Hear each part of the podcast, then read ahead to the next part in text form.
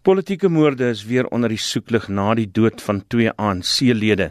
Mandisi Kakata, 'n takleier in Port Elizabeth, is Woensdag aand in die oprit van sy huis doodgeskiet. Volgens inligting hou sy dood verband met die toekenning van tenders. In 'n ander voorval is Sendiso Makaka 'n wijkraadslid van Umzimkhulu maandag dood aan beserings wat hy opgedoen het in Julie toe hy in 'n lokval gelei en geskiet is. Intussen het die ANC twee leiwagte van 'n amptenaar in KwaZulu-Natal afgedank na die twee 'n video gemaak het waarin hulle gedreig het om iemand soos 'n hond dood te skiet. Die DA het na aanleiding van die video gevra dat Sisile Sigalala ANC-voorsitter in KwaZulu-Natal moet aandui of hy voor die Morani eh, kommissie gaan verskyn wat ondersoek instel na politieke moorde in KwaZulu-Natal. Ons praat nou oor die verskynsel met die politieke ontleder Dr Piet Kroukamp. Hy's aan Noordwes Universiteit se Mahikeng kampus. Goeiemôre Piet. Goeiemôre Isak. Piet, hoe oud, hoe ernstig is die verskynsel en hoe wyd kom dit voor? Uh Isak, uh, ons het vir die laaste 25 jaar wat ons politieke moorde in Suid-Afrika aanvanklik was dit tussen die ANC en die IFP. In die laaste 15 jaar uh, is dit meestal binne die ANC, binne die party en uh daar is baie min vervolging dat ons weet baie min van die hoeveelheid politieke moorde. My raaiskoot is tussen 200 en 300 mense moet oor die laaste 15, 20 jaar in politieke moorde uh het omgekom het. Piet, wat is die oorsprong daarvan? Waaraan kan dit verbind word?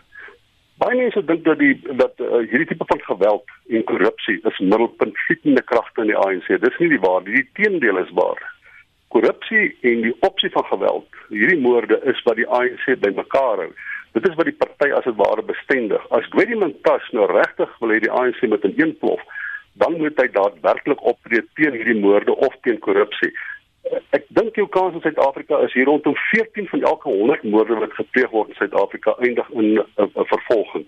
By politieke moorde is dit minder as 1%. Met ander woorde, daar's byna geen vervolging nie en dit is omdat hierdie korruptiewe verhoudings, korruptiewe verhoudings en die geweld is wat die ANC as 'n party bymekaar hou. Dit is wat die bestendigheid binne die party bring. Dis dit, dit, dit geweld is 'n baie uh, interessante en 'n komplekse bindingsmeganisme in 'n party soos die ANC en natuurlik korrupsie hou ook die ANC en die party mekaar, maar ook dit verbind die staat en die party met mekaar.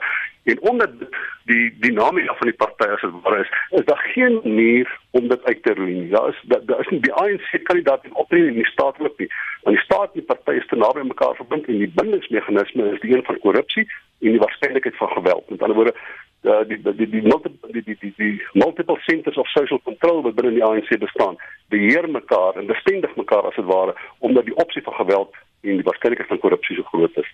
'n Senior Kusatu amptenaar het in 'n uh, uh, ander onderhoud erken dat hy dink uh, een van die bronne of een van die oorsprong uh, uh, punte is uh, die feit dat dit werk verskaf, dat politiek 'n werkverskaffings uh, projek as dit ware is en dat mense op die manier sorg vir 'n uh, inkomste. Watter rol speel hierdie tipe inkomste en posisies in uh, die geweld en die moorde?